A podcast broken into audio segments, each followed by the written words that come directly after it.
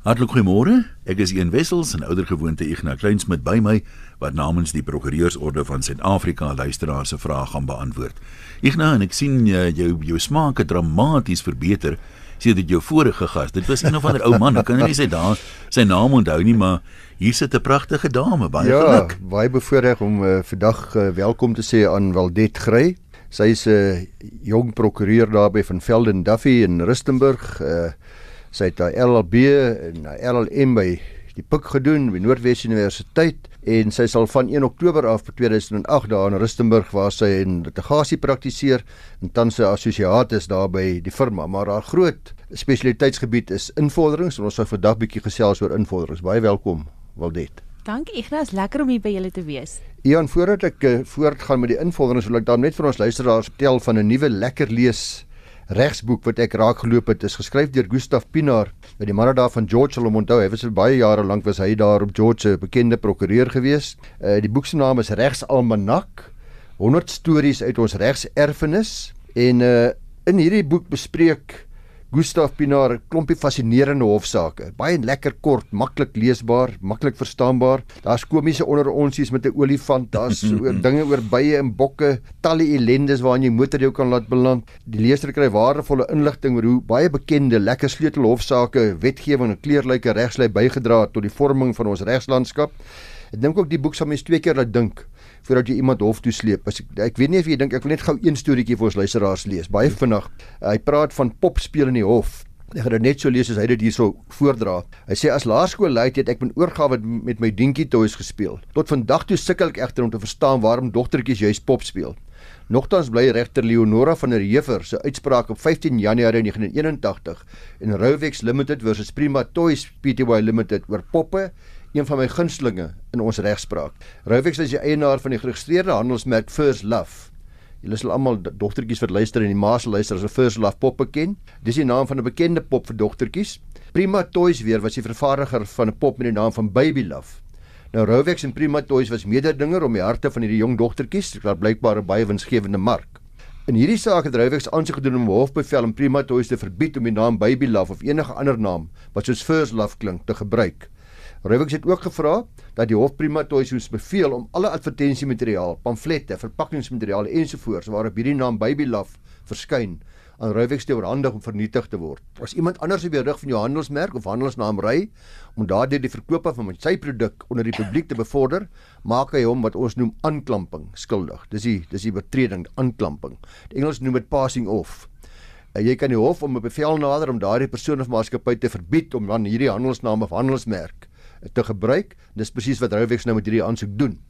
Regter van die Heever het beslis dat om die aansoek behoorlik te bereg, die betrokke mark deeglik ondersoek moes word. Poppe wat normaalweg nie dieselfde wyse as byvoorbeeld bier, sigarette of kosmetiekware verkoop word nie, sê die regter moet eh, bovendien is dit onwaarskynlik dat First Love en Baby Love poppe deur mense wat op die broodlyn leef gekoop sal word. Dis welvarende mense wat die soort van poppies vir hulle kind dogtertjies koop. Die waarskynlike koper sal ook nie ongeletterd wees nie, sê sy, en sal gewoonlik eers baie goed besin voordat jy 'n bepaalde pop koop. Kortom, hulle sal nie maklik met 'n slapriem gevang word nie. Die hof het daarna die woorde first en baby ontleed en op die opvallende verskille tussen hulle gewys. Nog groter is die verskille tussen die woorde first love en baby love. Die eerste het twee lettergrepe, albei lank en beklemtoon, die tweede bestaan uit drie lettergrepe, uh waarvan slegs die eerste beklemtoon word dat hulle van die juffrou ook die betekenis vir die twee handelsname ondersoek. Die naam Baby Love sê sy het alles te maak met babietjies. First Love was volgens haar minder beskrywend van die voorbeeld verkoop word, speelpoppe as Baby Love, dat mense eers liewers aan 'n eerste kalverliefde dink, jou eerste liefde, First Love. Uh, sy George Bernard Shaw aangehaal. Hmm. Ek haal aan, First Love is only a little foolishness and a lot of curiosity. ja, dis mooi. Ook Benjamin Disraeli maak 'n buiging in die uitspraak.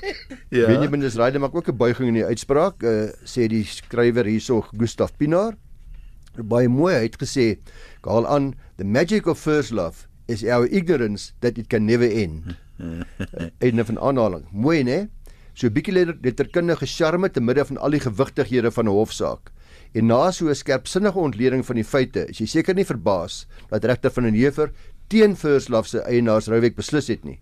Baby Love kon voortgaan om klein hartjies bly te maak. Uh kom ja, ons kom by invorderings. Dis nou jou kans om 'n paar harte te steel met invorderings. As dit met invorderings kom, uh, luisteraars, skuldinvordering in Suid-Afrika het drasties verander oor die afgelope 20 jaar. Waldet was by ons so 6 jaar gelede toe ons ook hierdie aspekte bespreek en waar ons regstelsel altyd gefokus was op die beskerming van krediteure. Het die dinamika verander veral by die laaste paar jaar uh, Waldet om nou meer beskerming aan die skuldenare te bied as ooit vantevore aan die debiteure. Jy mag dalk voel as jy vir skuldenare weghardloop met jou geld, maar jy het steeds 'n verskeidenheid van opsies om te verseker dat jou skuldenare verpligtinge nakom. Jy moet skuldenare maar steeds besef dat hulle dalk vir 'n kort rukkie daarmee gaan wegkom, jy nie te betaal nie. Maar hulle sal op die ou einde van die dag tog moet opdog. Dit is wat skuldprokureurs, skuldinvorderaars, prokureurs graag hulle kliënte vertel en wil laat glo. Wil dit wie kan almal invorderings doen? Net prokureurs? Igna in Suid-Afrika kan jy natuurlik self ook probeer jou eie skulde invorder en dit is dan jou debiteure klerk wat dit gewoonlik doen. As jy dit doen is daar absoluut niks daarmee fout nie. Jy moet net seker maak dat jy dit vroegtydig doen want hoe ouer skuld raak, hoe moeiliker raak dit om dit in te vorder. Dit kan nie daarvoor doen. Dit is ongelooflik belangrik. Jy sal nou in jou praktyk weet. Ek weet oor die jare heen het jy al baie vir ons gesê hoe suksesvol jy is met jou kliënte wat hulle skuld vinnig aan jou oorhandig. Nee, voordat jy oud is en hoe jy sukkel hoe mense vir kwaad word omdat mense onsuksesvol is met die skuld wat al oor die muur is, as al lankal vrot. Hy is al gewoond om nie te betaal ja. nie. Ja, nee, definitief. Daai persoon is kry gewoonlik nie meer in die hande nie. Hulle kontakbesonderhede, hulle adres het verander. Dit raak net moeiliker by die dag. So dis belangrik om so vinnig as moontlik te oorhandig as jy nie self sukses het daarmee nie. Kan ek net vra dan, ons sê net so vinnig as moontlik, maar mense moet seker dan maar ook redelik wees.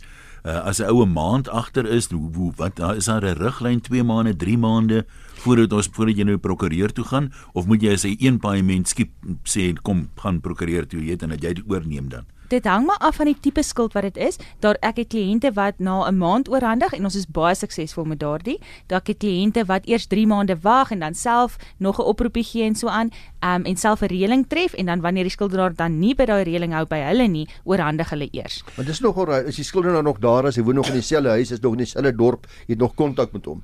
Dis nie die mense wat 'n 6 maande of 'n jaar ja. Wat ja. die probleem is. En ek ja. net nog skielik ek loop dalk dinge vooruit. Ek gaan maar probeer net maar soos 'n luisteraar ja. dink wat sou ek nou hier gevra het. Voordat jy die, iemand oorhandig aan jou as prokureur, moet 'n mens die persoon 'n uh, eh, uh, finale aanmaning gee en sê hoor jy het nou 7 dae om te betaal of voor die einde van die maand. As jy nie betaal nie, gaan ek jou sonder verdere kennisgewing aan 'n prokureur oorhandig of kan jy dit se muur doen sonder enige mededeling aan die skuldenaar? Jy kan dit se muur doen. Dit is nie nodig ehm um, dat jy eers hulle self 'n aanmaning vir hulle moet stuur nie. So nee, jy kan hulle dadelik oorhandig nadat jy rekening rekening gestuur het. Behalwe in die gevalle waar daar kontraktueel ooreengekom is, het jy eers 'n kennisgewing sal gee. Ja. Ja. Maar die gewone skuldontvordering is 100% reg wat wil dit sê.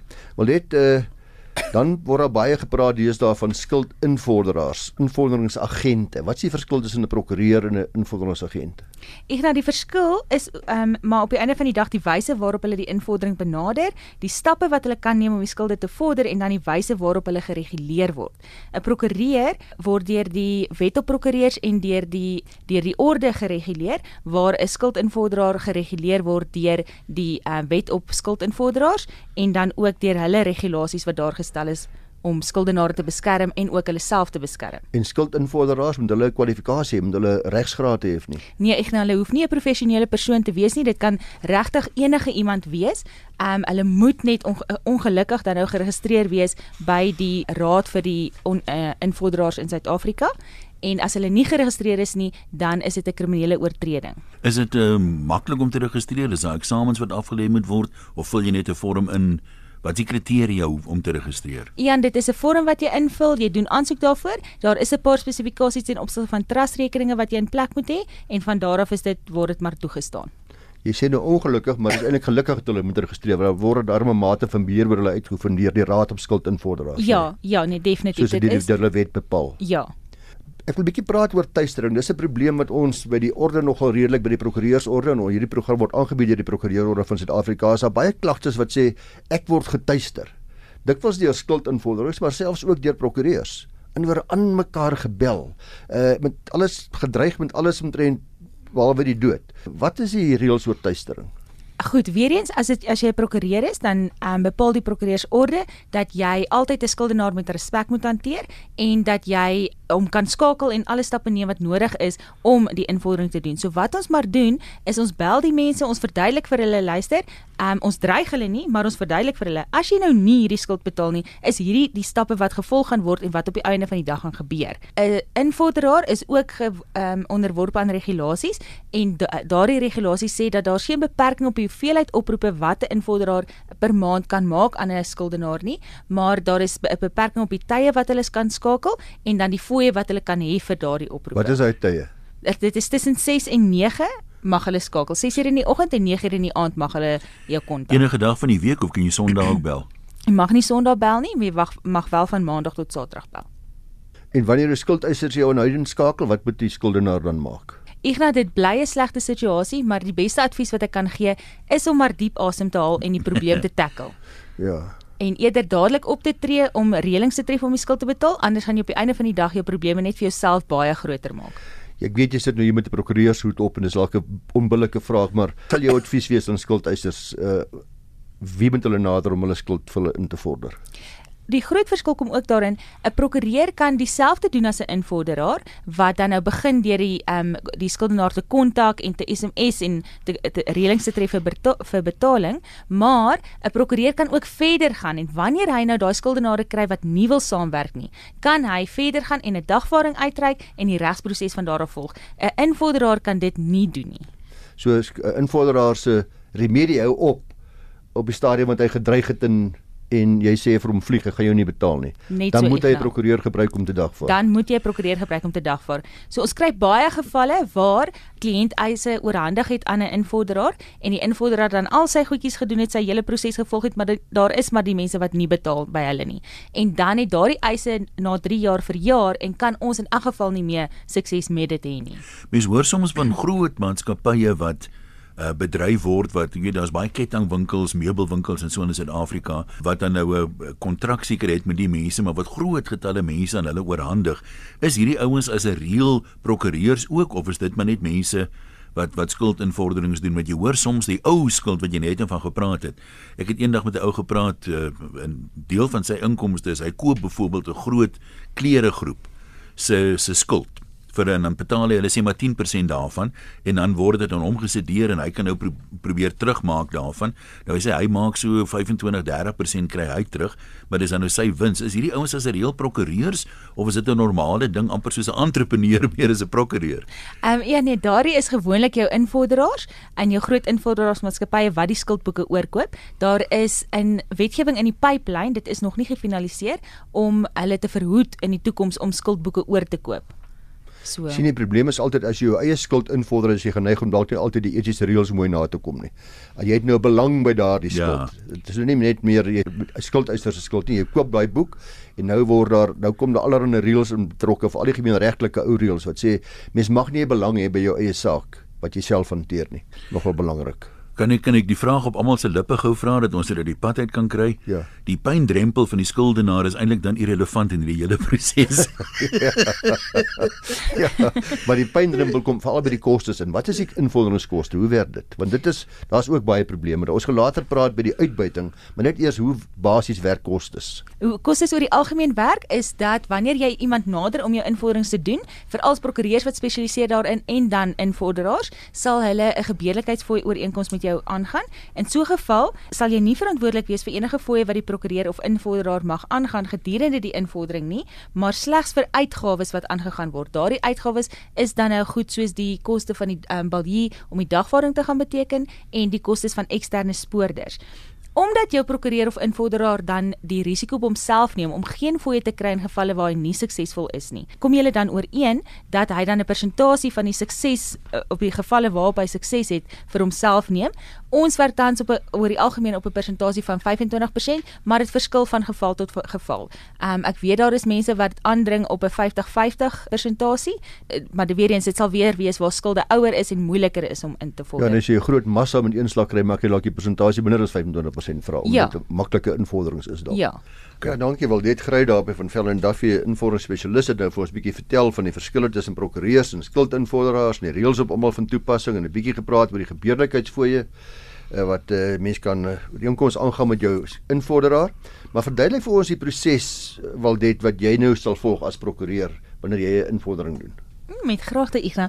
So wat ons doen is wanneer die skuldeiser dan nou die eis aan ons oorhandig of aan 'n invorder oorhandig, begin ons gewoonlik om die skuldenaar telefonies te kontak, 'n SMS aanmanings uit te stuur. In die aanmaning wat ons vir hulle stuur, sê ons waarsku ons hulle dan nou dat as hulle weier om die skuld te betaal of nie 'n reëling tref nie, gaan ons dan voort om hulle te lys by die nasionale kredietburo as 'n slegte betaler. Daardie inskrywing gaan dan vir 2 jaar teen hulle naam bly. As die skuldenaar Kan jy net daar stop? In ander Ja. woorde, uh jou kliënt sê die dokter sê vir jou die ou skuld by R500. In die eerste briefie sê jy al vir hom as jy dit nou dadelik betaal, dan gaan jy as 'n swak betaler gelys word. Ja, Igna.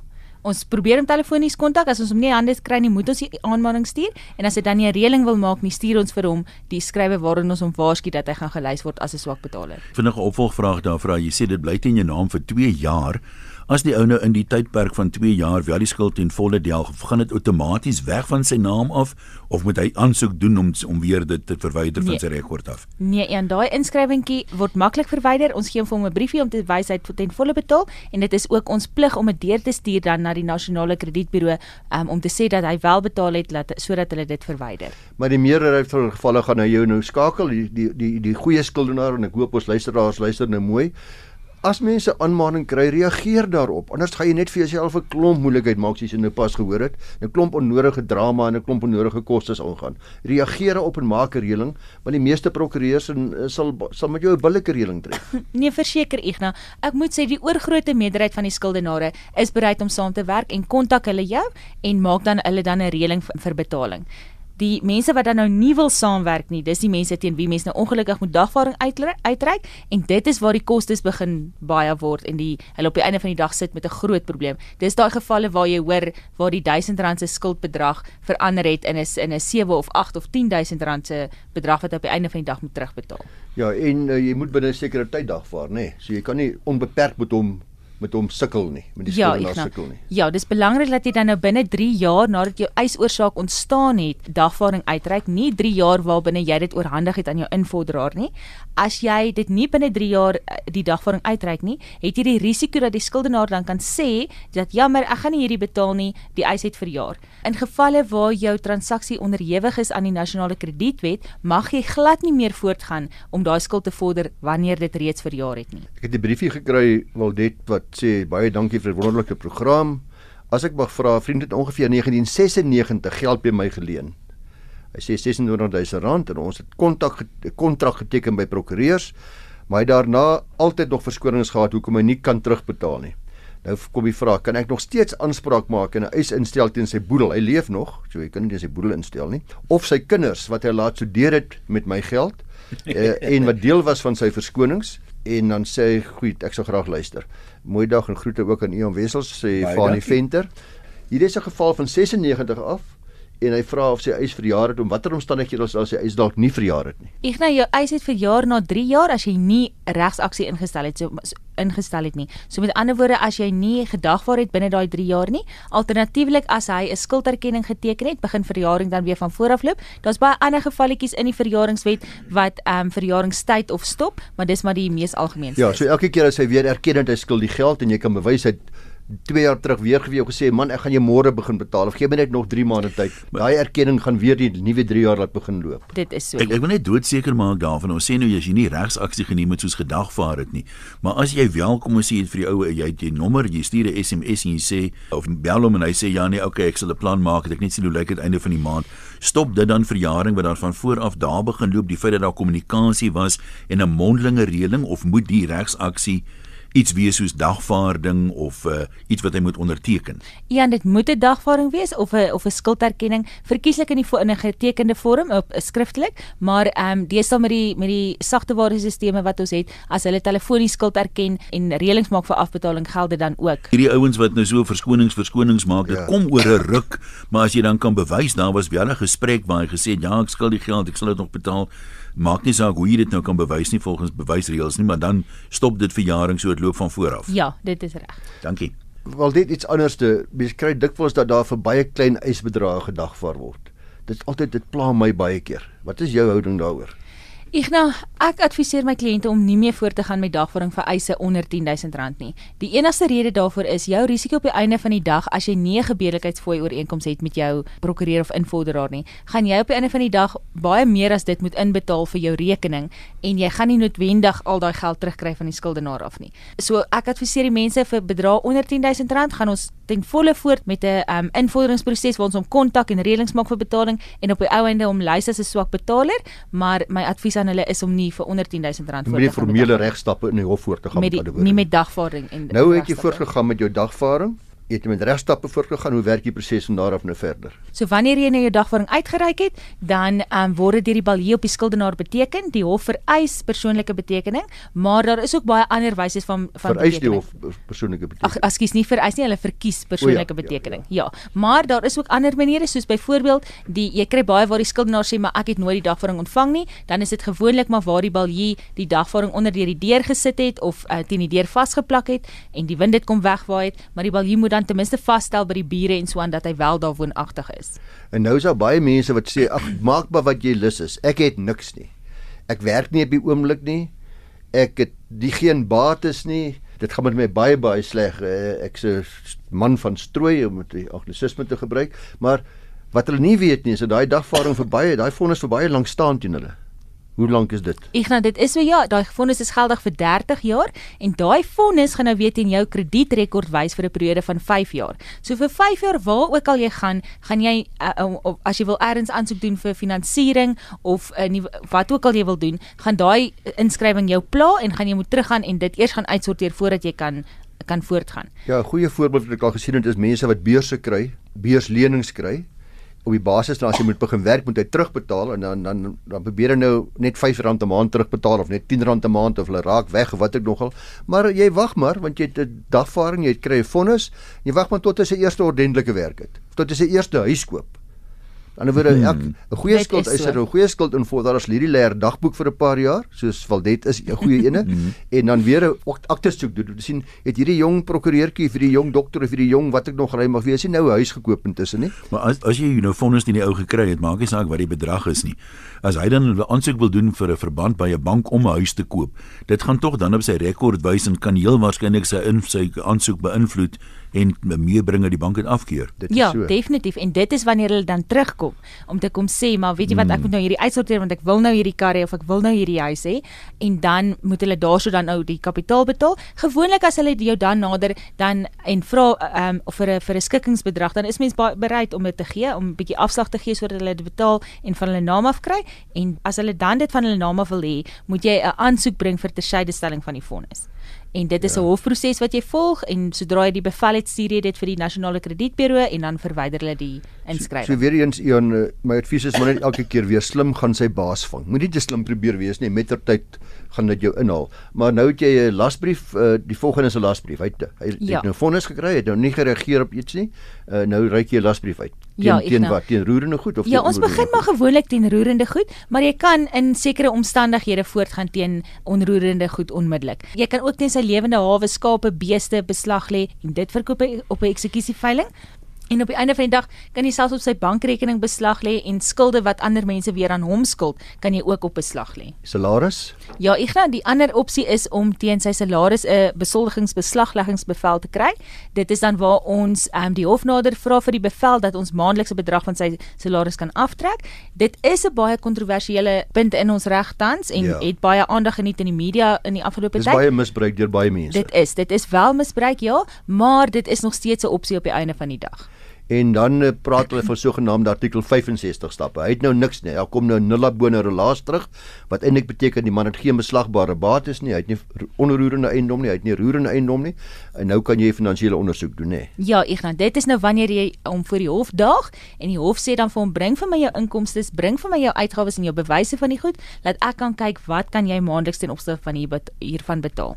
Goed, en dan dink baie mense omdat daar nie 'n rentereëling is nie, hoef hy nooit rente te betaal nie want hy het er nie ooreengekom in 'n kontrak dat hy 10% gaan betaal of 20% rente gaan betaal. Hoe werk rente? Wanneer kan jy rente van die skuldenaar verhaal? Igna in Suid-Afrika kan jy rente verhaal in twee gevalle. Eerstens wanneer jy 'n ooreenkoms het met die persoon om rente te vra. So in jou kontrak toe jy die die leningsooreenkoms of hoe ook al die transaksie aangegaan het, het jy het, het hy geteken daarvoor dat jy hy gaan rente betaal op die aangeleenthede. En dan ehm um, die ander geval is dat in terme jy kan rente vra in terme van die wet op voorgeskrewe rentekoerse. So ons gebruik hierdie rente waar daar geen ooreenkoms is op rente nie en in so 'n geval hef ons die dis 'n wisselende rentekoers. So hy staan tans op 10% per jaar en dan hef jy die rente vanaf die datum van die aanmaning of die datum van die dagvaarding as jy nou nooit 'n aanmaning gestuur het nie. Wel net ek het so baie vrae wat ek nog vir wil vra. Ek sal gawe wees as jy volgende week weer met ons luisteraars gesels. Ek wil nog vir jou byvoorbeeld vra oor hierdie ding wat 'n eis van R100 10000 rand raak of op 500 rand, jy kry dit baie gereeld sien ons in die pers dit dan die indooplomreël, die feit hoeveel rente wanneer verdubbel dit.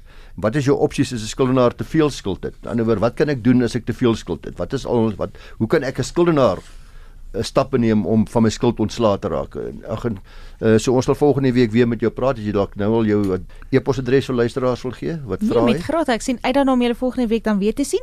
My e-posadres is grey@ffd.co.za. Dis grey@ffd.co.za. En die grey spel jy nes grey. Ek net vir Afrikaans oor die jaar. Nou maar goed. Sien uit dan nou praat ons volgende week verder.